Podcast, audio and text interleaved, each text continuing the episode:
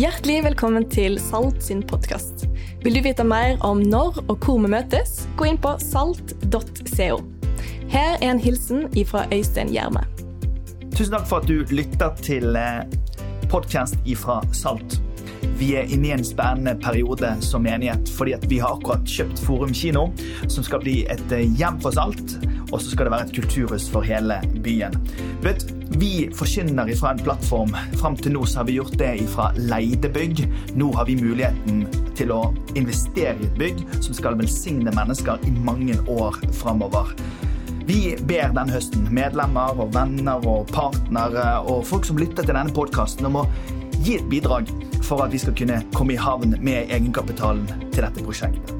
Så hvis du vil, ta og vips noen penger til 12345, eller gå inn på salt.co slash forum og les hvordan du kan være med og bidra. Vi trenger hjelp fra mange for å nå i land med dette, og sammen bygge en plattform hvor vi kan nå enda lenger. Så tusen takk for din gave. Og en stor ære å være sammen med dere. Takk for tilliten, og takk for at uh, vi får være venner, vi kirkene, oss imellom. Vi heier skikkelig på dere eh, i OKS, og det sier jeg ikke bare sånn smigrende introord fra en gjestetaler. Vi gjør virkelig det. Vi snakker om dere rett som det er. Vi ler av dere òg. Nei da. Nei, vi snakker om dere, eh, og det er gode ting. Og vi heier virkelig på også det som ligger framfor dere. Og vi ble enige om også etter, Vi hadde sånn takknemlighetssøndag forrige helg. Og bare som en sånn praktisk eh, klapp på skulderen så ble vi enige med å gi vår tiende, vår 10% fra den søndagen til deres byggeprosjekt. Så det er bare som en, det er sikkert ikke noe som endevelter budsjettene, men det er noe som bare viser at vi står sammen og ønsker hverandre det beste i denne viktige tida for Norge. Amen? Bra. Så jeg skal, eh, og, og, fotball og sånn, det, det, blir alltid Det blir bare saus hver gang. Det blir alltid sånn Det er så koselig og varm og sjenerøs stemning i kirken. Så begynner man å snakke om fotball, og så er det som om alle bare manifesterer sine indre demoner på en eller annen sånn eh, sprø måte. Så jeg, jeg, er ikke så interessert i norsk fotball, jeg. Akkurat nå. ok. Overskriften for det som jeg skal dele med deg, er 'Jeg er ikke der jeg skulle ha vært'. Og Det er ikke Sivert Heltene Nilsen som lengter tilbake til Vålinga. Det er en tanke som eh, kan eh, møte mennesker i alle sesonger og på alle ulike måter. Og jeg skal si noe om denne hva skal jeg si? Dette er jo ikke en preken som skal lede deg inn i den tilstanden. Men jeg skal si noe om det å være i den tilstanden. La oss begynne i 5. Mosebok 28, 13 med bakgrunn i 'jeg er ikke der jeg skulle ha vært', så står det i 5. Mosebok 28, 13 noe helt annet. Det står 'Herren vil gjøre deg til hode og ikke til hale'. Du skal alltid komme høyere, aldri lavere. Bare være over og ikke ligge under, står det en annen oversettelse. Og du tenker ja, jeg visste at det kom sånn der herlighetsteologi fra OKS. I knew it. Men dette selvfølgelig står i en kontekst. Det er et løfte som blir gitt til Israel, som selvfølgelig er knytta også i dette, denne sammenhengen til noen betingelser. Men jeg elsker at dette er Guds hjerte for oss. At vi skal være hode og ikke hale. At vi skal komme høyere og ikke lavere. At vi skal ha en identitet av å være over og ikke under. Det som er, Når jeg føler at jeg ikke er der jeg skulle ha vært, så er det sånn at egentlig så føler jeg meg Ofte så er det verken at jeg kjenner meg veldig som hode, eller at jeg er så langt nede at jeg har hale. Ofte er jeg litt sånn hals. Jeg er et sted imellom. Jeg er nære, men jeg er ikke der jeg skulle ha vært. Det kan gjelde sånn på et litt dypere plan, at man har det tøft når man sammenligner seg. Man lever med utilstrekkelighet. Man føler ikke man er der man skulle ha vært i livet, i karrieren, i sivilstatus. Vi har mange single mennesker også i kirken som kan tenke det når det gjelder sitt kjærlighetsliv. Jeg er ikke der jeg skulle ha vært. Det kan gjelde på litt mer sånn karrieremessige ting. Mål man har satt seg, ambisjoner man har. Som pastor kan jeg i hvert fall bekrefte at opp gjennom årene så er det ikke så rent sjeldent at man ser på noen av de drømmene man selv har, og tenker vi er ikke der som vi skulle ha vært enda. Du vet, I skøyter så, så, er det en sånn eh, Jeg vet at skøytesport er jo egentlig ikke så stort i Norge lenger, men nå har jo bergenserne fostra fram en fantastisk Er det Håvard Lorentzen som er fra Bergen? For en fantastisk Altså, Bergen, altså. Bergen, dette mener jeg, er min favorittby i Hordaland fylke. Det mener jeg virkelig. Um, Nei, du vet, i, i skøyter så er det en sånn, så er sånn livestrek som når de går, så kan du se en digital strek på TV-skjermen som viser ledertiden. Eller rekordtiden. Av og til så kan den til og med vise verdensrekorden. Så når de går på skøyter, så, så, er det liksom Hvis de ligger foran den streken, hvis vi sier at den streken går her, så liksom flytter den seg parallelt med det som er ledertida. Og når de kommer til passeringspunktet, og hvis de ligger litt foran, så vet du at nå ser det bra ut. De ligger foran skjemaet. De ligger an til rekord. Men så ser du etter hvert, kanskje hvis de begynner å slite litt med tempo og slite litt med kreftene, så ser du at den streken kommer nærmere og nærmere. Og plutselig kommer noen runder hvor de havner bak streken. Og så ligger de plutselig kanskje en eller to meter bak den såkalte livestreken. Jeg tror i livet at alle har noen sånne streker som definerer seier eller tap. Noen ting som definerer følelsen av å ligge foran eller å ligge bak. Det kan være også i den tida vi lever, med både materialistiske ting og utdanning og karriere og sammenligning på sosiale medier og måten vi eksponerer livene våre på, så blir også denne streken i stor grad definert av de andre. Og vi lever så mye inn i hverandres hverdag at av og til så blir det som kanskje var definisjonen på seier for deg, blir på en eller annen måte definisjonen på seier for meg. For vi setter opp noen sånne streker som endra lyden seg plutselig. Eller hva? Går det bra? Skal jeg gjøre noe? Skal jeg Gjør jeg noe feil? Er jeg utilstrekkelig? Nå ligger jeg bak skjemaet igjen. Er, nå er jeg ikke der jeg skulle ha vært. Nå er ikke lyden der den skulle ha vært. Dere klarer sikkert å justere det. Du skjønner, vet, Jeg vet at det er en del studenter i kirka. Er det ikke typisk når eksamensforberedelsene begynner, så er det jo, så er det jo på en måte according to Hei, Rebekka. Der satt du. Så er det jo, så er det jo på en måte på skjema. Det er tre måneder til innlevering. Perfekt. Tre måneder, akkurat det det skal være. Men to uker før så er du ikke der du skulle ha vært. Streken har innhenta deg. Jeg har det sånn hver gang jeg preker. Når jeg starter, så er jeg 35 minutter til rådighet. Men når det er fem minutter igjen, så er jeg ikke der jeg skulle ha vært. Hver eneste søndag så møter jeg på akkurat det dilemmaet. Du hva en som ble stoppa eh, av politiet, og som kjørte altfor fort. Og politiet sier at hva, hva, er det du holder på med? Det her går altfor fort. Han sier jeg prøver bare å holde følge med trafikken. Og han sier trafikk, det er, det er, jo ikke en bil her. Nei, der ser du hvor langt etter jeg ligger. sa han. Stand up! Det er en god følelse å ligge noen meter foran, men du verden hvor mye oppmerksomhet og fokus det kan få de meterne vi ligger bak. Både strekene vi har satt for oss sjøl, men ikke minst de strekene som er satt av våre konkurrenter. Nå er ikke vi konkurrenter i livet, men det er sånn det er i idrett. Den der rekordstreken er jo satt av noen andre. Og av og til så er de, der, de meterne vi ligger bak, er utrolig hvor mye oppmerksomhet de kan få i forhold til faktisk distansen vi har lagt tilbake oss.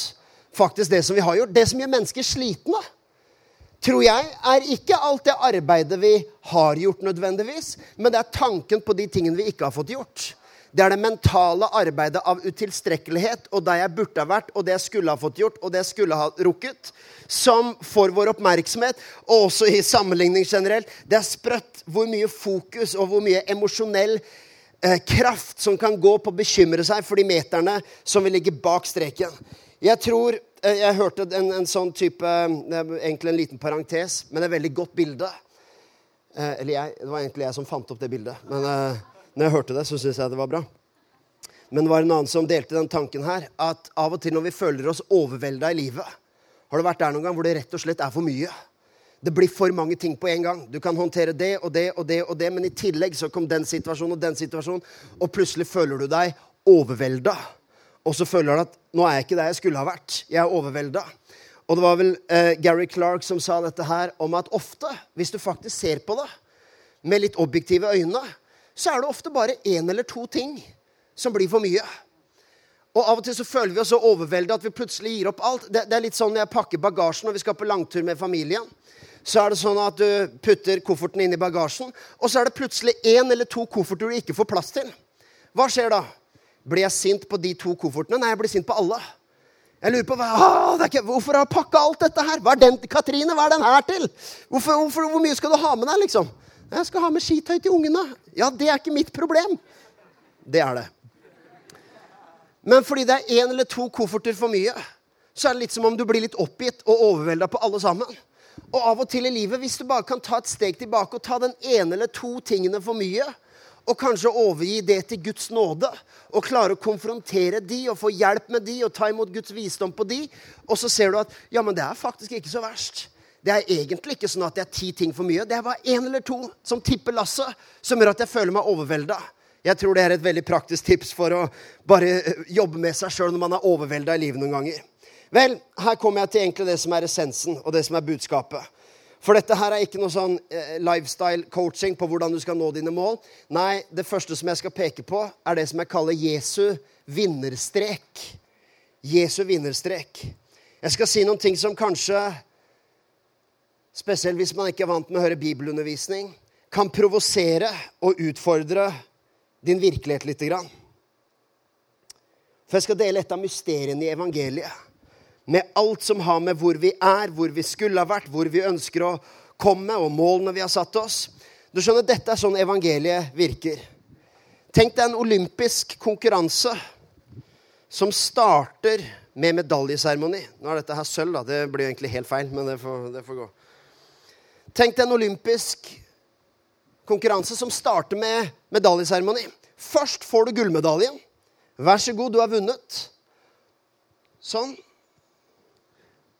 Eh, de, dere synger 'Ja, vi elsker' her i Bergen nå. Det er ikke bare nystemten. Er, vi er en del av Norge, ikke sant? Ja.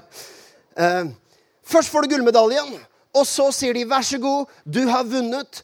Nå kan du begynne å løpe. Tenk deg et maratonløp, 42 km, som begynner med at du først så får du seierskransen. Og så sier de 'vær så god, nå kan du begynne å løpe'. Du har vunnet. Det er evangeliet. Det er det å leve som kristen. Vår tro bygger på en mann som startet din og min reise med å si at det er fullbrakt. Det er ferdig. Det er oppnådd. Seieren er vunnet. Du er den du er av det han gjorde for deg. Og vi har fått seierskransen i Jesus Kristus av hans død og hans oppstandelse. Så er du og jeg erklært vinnere, og da kan vi starte vårt løp. Når du løper ditt løp som kristen, så jeg skal si noe om det her at Bibelen sier både at vi løper for å vinne en seierskrans, men det står også at vi løper for å bevare vår seierskrans. Kolossebrevet 2,18 sier 'la ingen røve fra dere seiersprisen'. Med andre ord, seiersprisen var noe du starta med. Det er det som er å være en kristen og ta imot Jesus. Er at han kroner deg med seierskransen og sier at den seieren som Jesus vant, den er din. Det er som når vi sitter hjemme i sofaen og spiser pottegull av beina på bordet, og våre skiløpere som eh, svetter seg over mål, og ansiktet er fullt av slim og snørr, og vi sier 'hæ, vi vant'. Nei, det var han som vant, ikke du. Men vi identifiserer oss med det. Nå er identifikasjonen med Jesus den er mer enn symbolsk. Den er virkelig.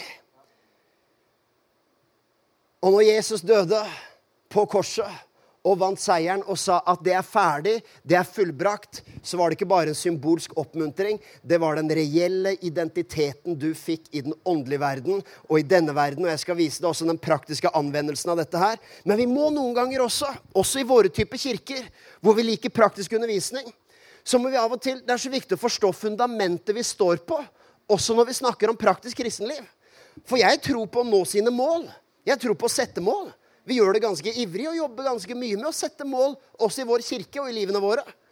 Men spørsmålet er på hvilket fundament er det vi setter våre mål? Hva er det jeg oppnår ved å nå mine mål? Hvilken identitet gir det meg? Nei, Som kristen så begynner du faktisk med det løftet at du er hode og ikke hale fra startstreken av.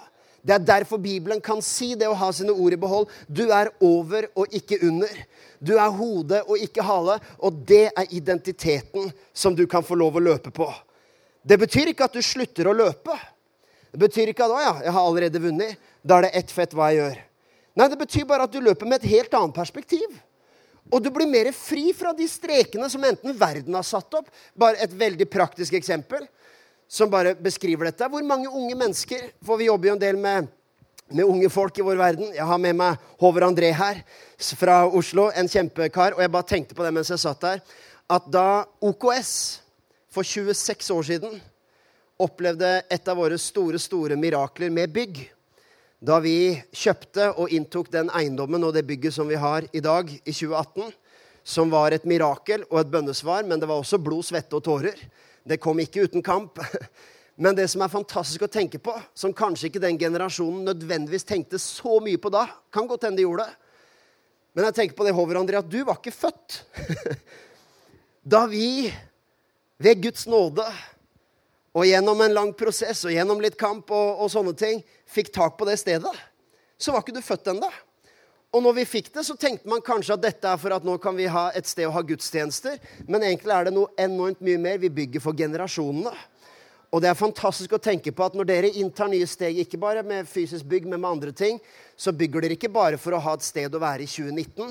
Vi bygger for generasjoner og et sted og en oase i byen. Og det er et fantastisk perspektiv. Hvorfor kom jeg på det? Jo, f.eks. Eh, med unge mennesker. Når vi skal snakke om uh, eh, f.eks. seksualitet, og hva Bibelen veileder om de tingene, og grensesetting og sånne ting, så er det utrolig mange unge mennesker som man, man, oppdager at de har tatt seksuelle valg basert på standarden i omgivelsene. Basert på streken som andre har satt opp. Og i verste fall blir det til og med sånn at man har gått i sengs med mennesker, for jeg vil ikke ligge etter de andre, i hvert fall. Jeg vil ikke ligge bak de andre på seksuelle erfaringer. Derfor så tøyer jeg grensene mine sånn at jeg er der jeg skal være. For man er jo ikke liksom, man kan ikke være 23 år i Norge og ikke ha debutert. Jeg er ikke der jeg skulle ha vært. Det, det, er samfunnets tankegang. Men det er det som endrer identiteten for en kristen. For du har da søren meg ingenting å bevise. Du løper jo livet med seierskransen rundt halsen. Hvorfor skal du jakte etter en seiersstrek som andre har satt opp for deg? Jeg sier ikke at det valget alltid bare er så svart-hvitt og enkelt. Men jeg sier, hvorfor skal du jakte etter identitetsbekreftelser når du har fått den håper jeg, kongen kongenes konge og herrenes herre, har selv stått og gitt deg seiersprisen pga. det Jesus gjorde for deg. Hva mer har du å bevise? Så egentlig, selv om det er litt sånn identitetsbudskap, så har det utrolig mange praktiske uttrykk i din hverdag. Det gjør at du kan ta andre valg. Jeg vil si det på den måten her, for det er ikke sånn at vi slutter å oppnå noe. Men du kan sammenligne disse formuleringene. Fordi jeg har oppnådd noe, er jeg tilstrekkelig? Eller jeg kan oppnå noe fordi jeg er tilstrekkelig. Det høres veldig likt ut, men dette er to ulike fundamenter å bygge livet sitt på. Det er faktisk to helt ulike skal vi kalle det livssyn. Det ene er at hvis jeg bare når denne streken, så er jeg tilstrekkelig og kan føle meg akseptert og føle meg bra. Og det kan godt hende at man føler seg bra når man når sine mål. Men nå snakker vi om hva som skjer virkelig nede i dypet av oss, i hvem vi er, og hva vi tror på. Enten er det sånn at fordi jeg når mine mål, eller så er det sånn lenge før jeg har oppnådd mine mål, faktisk lenge før jeg har begynt løpet, så er jeg allerede tilstrekkelig. Og på det fundamentet kan jeg oppnå enormt. En kirke som har noe å bevise. Nå skal vi bevise for byen at vi, vi, de andre kristne skal få se at vi klarer dette her. Nei, det er som om det, det blir alltid Selv når det blir riktig, så blir det feil. Men når vi står på fundamentet at nei, vi har egentlig ingenting å bevise, men vi vet at Gud har kalt oss. Han har lagt en seierskrans rundt både oss som individer, men også oss som kirke. Og vi løper pga. han har kalt oss. Vi løper ikke for å konkurrere mot noen. Vi løper fordi at han allerede har gjort oss tilstrekkelig. Derfor kan vi oppnå store ting i byen. Det er to ulike tilnærminger til livet. Du finner et hint om dette allerede i skapelsesfortellingen i Første Mosebok. Så står det Første Mosebok 2,9. Det står det Herren Gud lot hvert tre som er en lyst å se på og godt å spise av, vokse opp fra jorden. La du merke til det? Herren Gud lot hvert tre som er en lyst å se på og godt å spise av, vokse opp fra jorden. Du skjønner, Begge deler er Guds hensikt, nemlig Hvis jeg får lov å, bruke, får lov å leke med, med litt filosofi i ett minutt. Jeg har 20% stilling av pastorjobben min, så får jeg lov å filosofere en dag i uka. Dette er både estetikk og bruksvennlighet eller anvendelighet. Først så står det at trærne er en lyst å se på. Deretter er det anvendelig, nemlig du kan få lov å spise av det. Begge deler er Guds vilje for ditt liv. Nemlig både at det er en nytelse å se på, at du er verdifull. Før det er noen anvendelighet, så ligger det en verdi der, det ligger en betydning der. Fordi Gud ene og alene, lenge før du var nyttig, så sier Gud at det han har skapt, er godt å se på. Det er akseptert, det er fullkomment. Deretter, etter at man har nyter, så er det også anvendelig. Begge deler er Guds hensikt, men rekkefølgen er avgjørende. Du skjønner, I vår tid så kan du se det til og med på arkitektur. Hvordan vi tenker annerledes i vår tid. Vi tenker nytteverdi først, og så estetikk. Man ser det i eh, bygninger og arkitektur. Man kan se det til og med bilindustrien. for den saks skyld, At først tenker man bruksområder. Deretter så kan det se bra ut. Hvis du ser på Europas arkitektur opp gjennom århundrene, så ser du ofte at først handla det om estetikk. Først handla det om at det skulle se vakkert ut, og det skulle være eksepsjonelt. Deretter så fant man Jeg vet, jeg, jeg, akkurat, eh, jeg har ikke doktorgrad i arkitekturisk historie i Europa, det skjønner du. Noen som faktisk studerer det her, så på meg og bare Du tar feil, Thomas. Det er ikke sånn Men her er poenget. Når Gud skapte deg, så begynner han med å si det er overmåte godt. Det er fullkommen, det er akseptert, det er tilfreds. Kanskje er det noe som preger litt vårt menneskesyn i 2018. At når et menneske ikke kan brukes til noe, så tenker vi at hva skal vi da med det i samfunnet? Men Gud sier at først er det overmåte godt. Deretter kan det produsere frukt. Det er rekkefølgen i ditt liv. Først sier Gud Det er som når Gud hviler på den syvende dag. Dette er, for, som jeg sa, Det som gjør oss slitne, er ofte den Det er ikke nødvendigvis arbeidet vi har gjort, men det er arbeidet på innsiden. Det mentale arbeidet i hjertet vårt av å bevise oss sjøl, av å føle oss tilstrekkelig. Men her er hva Bibelen sier. Hebrebrevet sier at vi skal hvile i livet vårt på samme måte som Gud hvilte fra sine gjerninger. Hvordan hvilte Gud fra sine gjerninger? Jo, det står også i første Mosebok. Etter skaperverket, på den syvende dag, så hvilte Gud. Hvorfor hvilte Gud? Hvilte Gud fordi han var sliten? Tenkte seks dagers arbeid, det, det tar på, altså. Virkelig. Nå trenger jeg en pust i bakken og se litt vintersport. Nei, Gud hvilte ikke fordi han var sliten. Han hvilte fordi han var tilfreds. Det var fullkomment. Han så på skaperverket og sa dette er overmåte godt. Og så velsignet han det og la sine ord over det. Og senere bar også jorden frukt og alt dette her sånn. Men du skjønner, det er det samme som gjelder i den hvilen vi har på innsiden. At først så hviler vi som Gud hvilte fra sine gjerninger. Ikke bare fordi han var sliten, men vi hviler i vår tjeneste, i vår pastorgjerning, i vårt kirkearbeid, i ditt studentliv, i ditt yrkesliv. Vi hviler på alle livets områder. Fordi vi begynner med et fundament av at det er overmåte godt. Jeg tror det Gud sier der, er et frampek på korset, hvor Jesus sier det er fullbrakt. Det er ferdig. Det er godt nok. Det er mer enn godt nok. Det er overmåte godt. Det er en måte å bringe litt himmel inn i din hverdag og vite at du har fullkommen seier. Amen? Amen. La meg ta det videre her mot avslutningen. Det andre, for du kan tenke da ja, Skal vi ikke sette noen mål? Skal vi ikke oppnå noen ting? Betyr ikke det noe? Jo da. For det neste handler om at en kristen Dette er et teologisk konsept som går mange, mange hundre år tilbake. Men en kristen, han skal bli det han er. Det er kristen vekst. Jeg vet at det ble, ble undervist om åndens frukt her forrige uke. Hva er åndens frukt? Jo, det er en kristen som gradvis vokser og blir det han i Kristus allerede er. I Kristus, for eksempel, så er du gjort rettferdig. Du er tilgitt. Du er hellig. Du er renset. Du er omfavna av Gud. Men så når du går med Jesus, så skal det livet utfolde seg. Og enda du er i Kristus, og Kristus er i deg, så skal du samtidig bli mer lik ham. Jeg vet det er liksom mysterium, men livet er fullt av sånne typer spenninger. Og det er det som er som en kristen. Du starter ditt løp som en seiervinner. Og så skal du få lov å løpe og få lov å bli det du er. Og bygge ditt liv som en vinner. Jeg, jeg klarer ikke unngå å tenke på det når jeg hører sånn der, du er en vinnerbudskap. For det, det kan være litt sånn amerikanisert. ikke sant? You're a winner.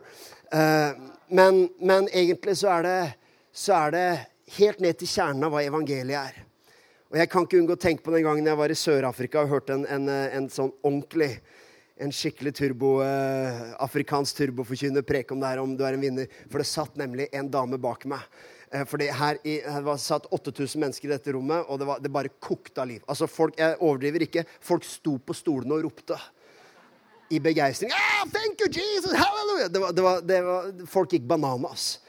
Veldig skandinavisk atferd på alle mulige måter. Men så sitter en dame bak meg, og, hun har vært liksom på hele møtet. sitter der, ah, thank you Jesus, ah, praise God, hallelujah, thank you Jesus. Og så driver han og preker om at vi er vinnere. Fordi at det at du er født, beviser at du er en vinner. Fordi at du konkurrerte med, million, med tusenvis eller et eller annet av andre sædceller. Men du kom jo først i mål. ikke sant? Så det at du ble født, det at du lever, er bevis på at du er en vinner. Du vant i konkurranse med tusenvis. Så du svømte, og så beskrev han litt av hvordan du svømte, og du dytta bort de andre, og du herja løs, og du vant. Og så sitter du bak der. Ah, thank you, Jesus. Oh, God, I swam. Ah, thank you, Jesus.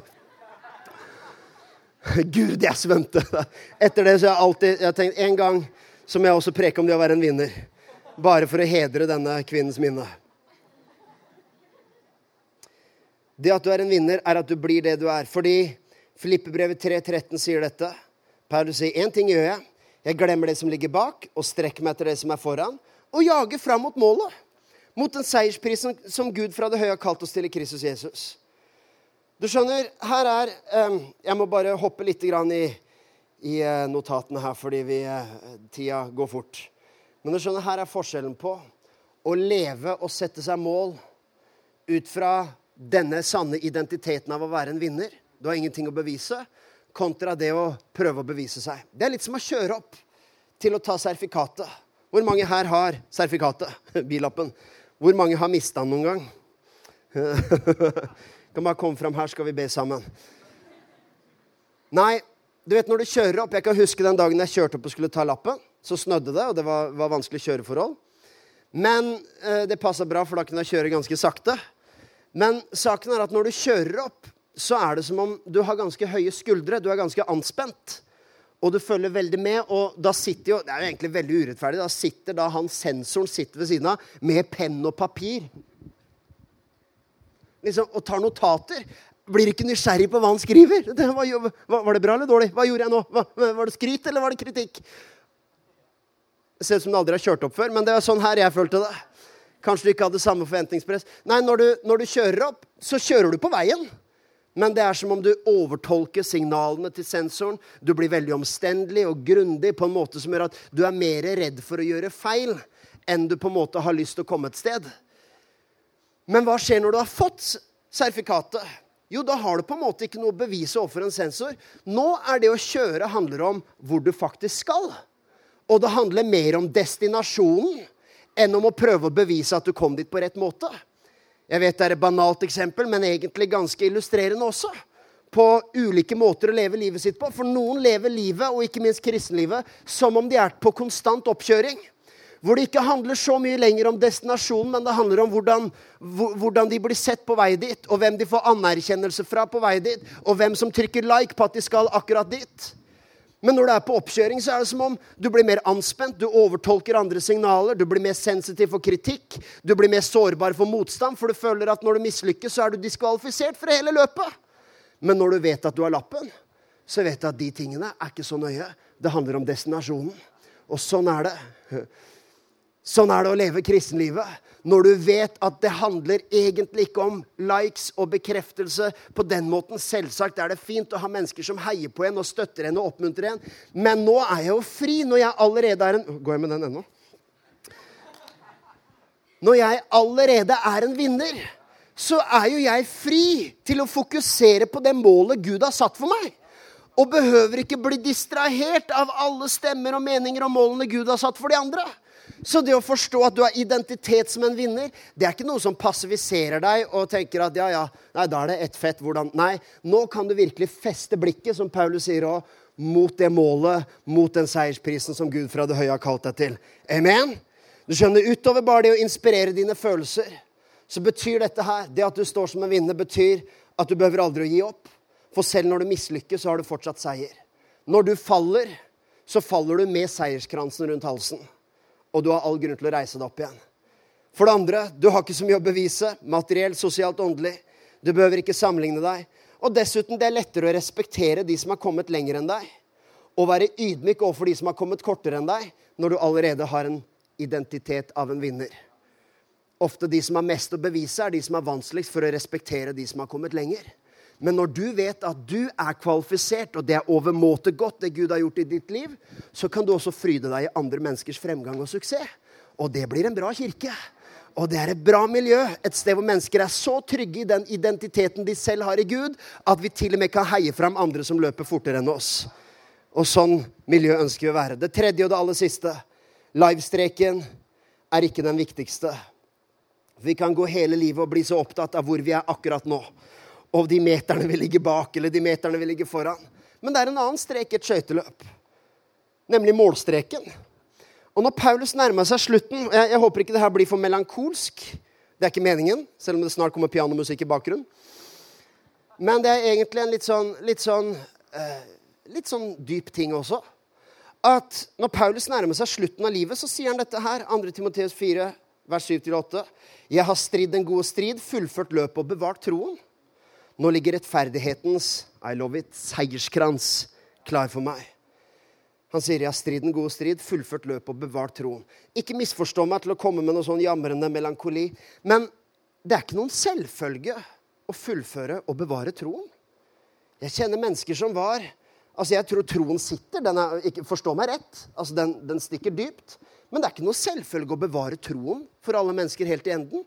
Fordi noen mennesker var så opptatt av de kortsiktige målene og det de skulle oppnå akkurat nå, og så intenst og kanskje til og med krampaktig fokusert på de, og kanskje på et tidspunkt så lå de jeg, Nå handler det ikke om sammenligning, men hvis jeg skulle ha sammenligna meg, så kunne jeg sagt at de lå langt foran meg.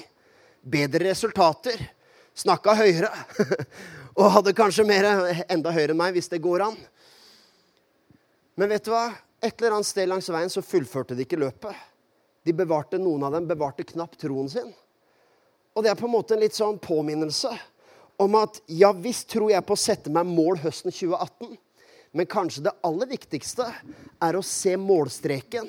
At jeg skal stå der en dag i år 2070 og si at jeg bevarte troen.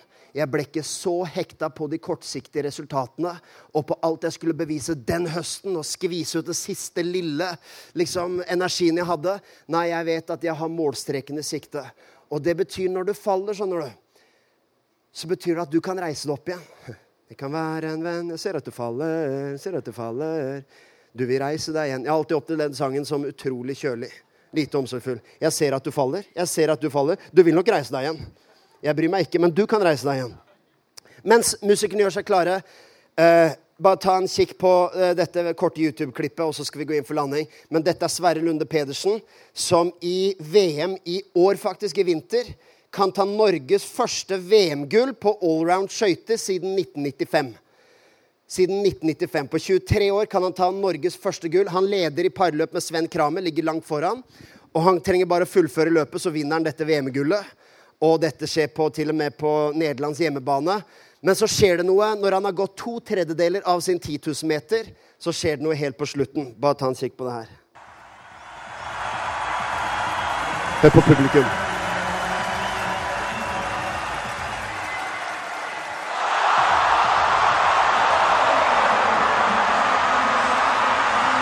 Ok, For de som ikke er så sportsinteressert, så er det kanskje ikke like emosjonelt. Men jeg får nesten tårer i øynene når jeg ser dette her. Men uh, det er et nydelig bilde, egentlig. For han faller. Faller fra VM-gullet. Uh, og som du så her sånn, så havna Han lå jo foran Sven Kramer, havner langt bak. Men her er det nydelige. Og igjen så er det kanskje litt sånn cheesy illustrasjon, men jeg syns egentlig det er ganske dekkende òg. For å være helt ærlig. For han reiser seg opp igjen. Og når han da reiser seg opp, så ligger han jo så langt bak, ikke sant? Og det mange mennesker tenker når de ligger langt bak, er at det er ikke noe vits i for meg å fullføre. Fordi jeg ligger så langt bak uansett. Jeg er så langt fra der jeg skulle ha vært. Jeg har også møtt på mennesker, troende og andre, som kanskje også falt, kanskje moralsk, eller de falt på den måten at det bare det gikk litt skeis i en sving. Kanskje ikke det var dem sjøl, kanskje de mener det var andre, men at det var selvpå, selvforskyldt eller noe som andre forårsaka. Kanskje det var skuffelser, kanskje det var en krenkelse, kanskje det var en fornærmelse. Det var et eller annet som gjorde at plutselig så var det som om man datt litt i svingen, og så lå man så langt bak og tenker det er ikke engang vits i for meg å fullføre. Jeg er så langt bak uansett. Jeg tror dette, Hvis du tenker på det, så skjer det med mange mennesker. Ja, det er ikke engang nødvendig for meg å prøve å bli en disippel av Jesus, for jeg er så langt bak de andre. Jeg kan knapt Johannes 3, 16. Eh, og jeg, jeg, kan knapt forskjellen på Gamle og Nytestamentet. Jeg er så langt bak at det er ikke noe vits i for meg å fullføre. Det kan også være andre typer feiltrinn i livet som gjør at du, du følte at du kom langt bak der du skulle ha vært. Men her er det nydelige og det enkle i Jesus. Du faller jo med seierskransen rundt halsen. Du faller som en vinner. Vet du hva det betyr? Du kan reise deg opp igjen. Og du er fortsatt en vinner, fordi du er en vinner ikke pga. distansen du har gått, men pga. det Jesus gjorde for oss. Pga. han som sa at det er fullbrakt. Pga. han som vant seierskransen i vårt sted. Og det som gjerne skjer da jeg, har ikke tid å fortelle eksempler fra mitt liv, men jeg kan tenke et par anledninger hvor jeg da skulle reise meg opp igjen, og så føles det veldig klønete i starten. Når han skal gå på skøyter der, så går han liksom litt sånn Det er litt sånn stakkato, ikke sant? Det ser, nesten, det ser nesten ut som man ikke kan gå på skøyter, for du blir så stiv i beina når du skal reise deg etter et sånn type fall. Men vet du hva? Selv om det ser litt klønete ut, så fullfører han. Og det som skjer, er at han faktisk går inn til et ganske ok resultat. Han, tar, han mister gullet sitt, og det var vondt, men han tar sølv i allround-VM. Og faktisk så slår han Sven Kramer i det løpet. Sven Kramer sprekker fullstendig, så han vinner parløpet mot han. Her er poenget mitt. Uansett hvilken hastighet, uansett hvor langt bak eller langt foran, eller uansett hvilken sving du falt i, uansett hvor klønete det føles når du skal reise deg opp igjen. Har du hatt sånne perioder hvor du kanskje ikke har åpna Bibelen på altfor lenge? Du vet at du er ikke der du skulle ha vært i ditt bønneliv. Så er det som om du skal prøve å starte litt igjen og liksom prøve å komme i gang med det som du vet du egentlig skulle. Og så føles det litt sånn klønete. Føles som du er litt ute av rytmen. Det ble bare litt rart. Men vet du hva? Det er ett fett hvordan det ser ut når du løper, fordi Jesus har allerede sagt at du er en vinner. Du har fått seiersprisen. Og uansett om du falt, og uansett hvor klønete det ser ut når du beveger deg, så er du en vinner ikke pga. hastigheten eller distansen, men pga. det han har gjort for deg. Så vet du hva det mest fantastiske du kan gjøre da? Det er å fortsette. Selv når det går for sakte. Fortsett. Hvis ditt kristenliv går for sakte i forhold til det du føler det skulle ha gjort, fortsett. Vet, egentlig liker jeg ikke det utsagnet 'det viktigste er ikke å vinne, men å delta'. Det er, liksom, det er sånn bare de som kom på åttendeplass sier, ikke sant? Men for en kristen så vil jeg endre på det. Det er ikke at det viktigste er ikke å vinne, men å delta. Man kan si det sånn her. Du har allerede vunnet, og det viktigste er å fullføre. Å fullføre er undervurdert verdi i vår kultur. Å fullføre ting.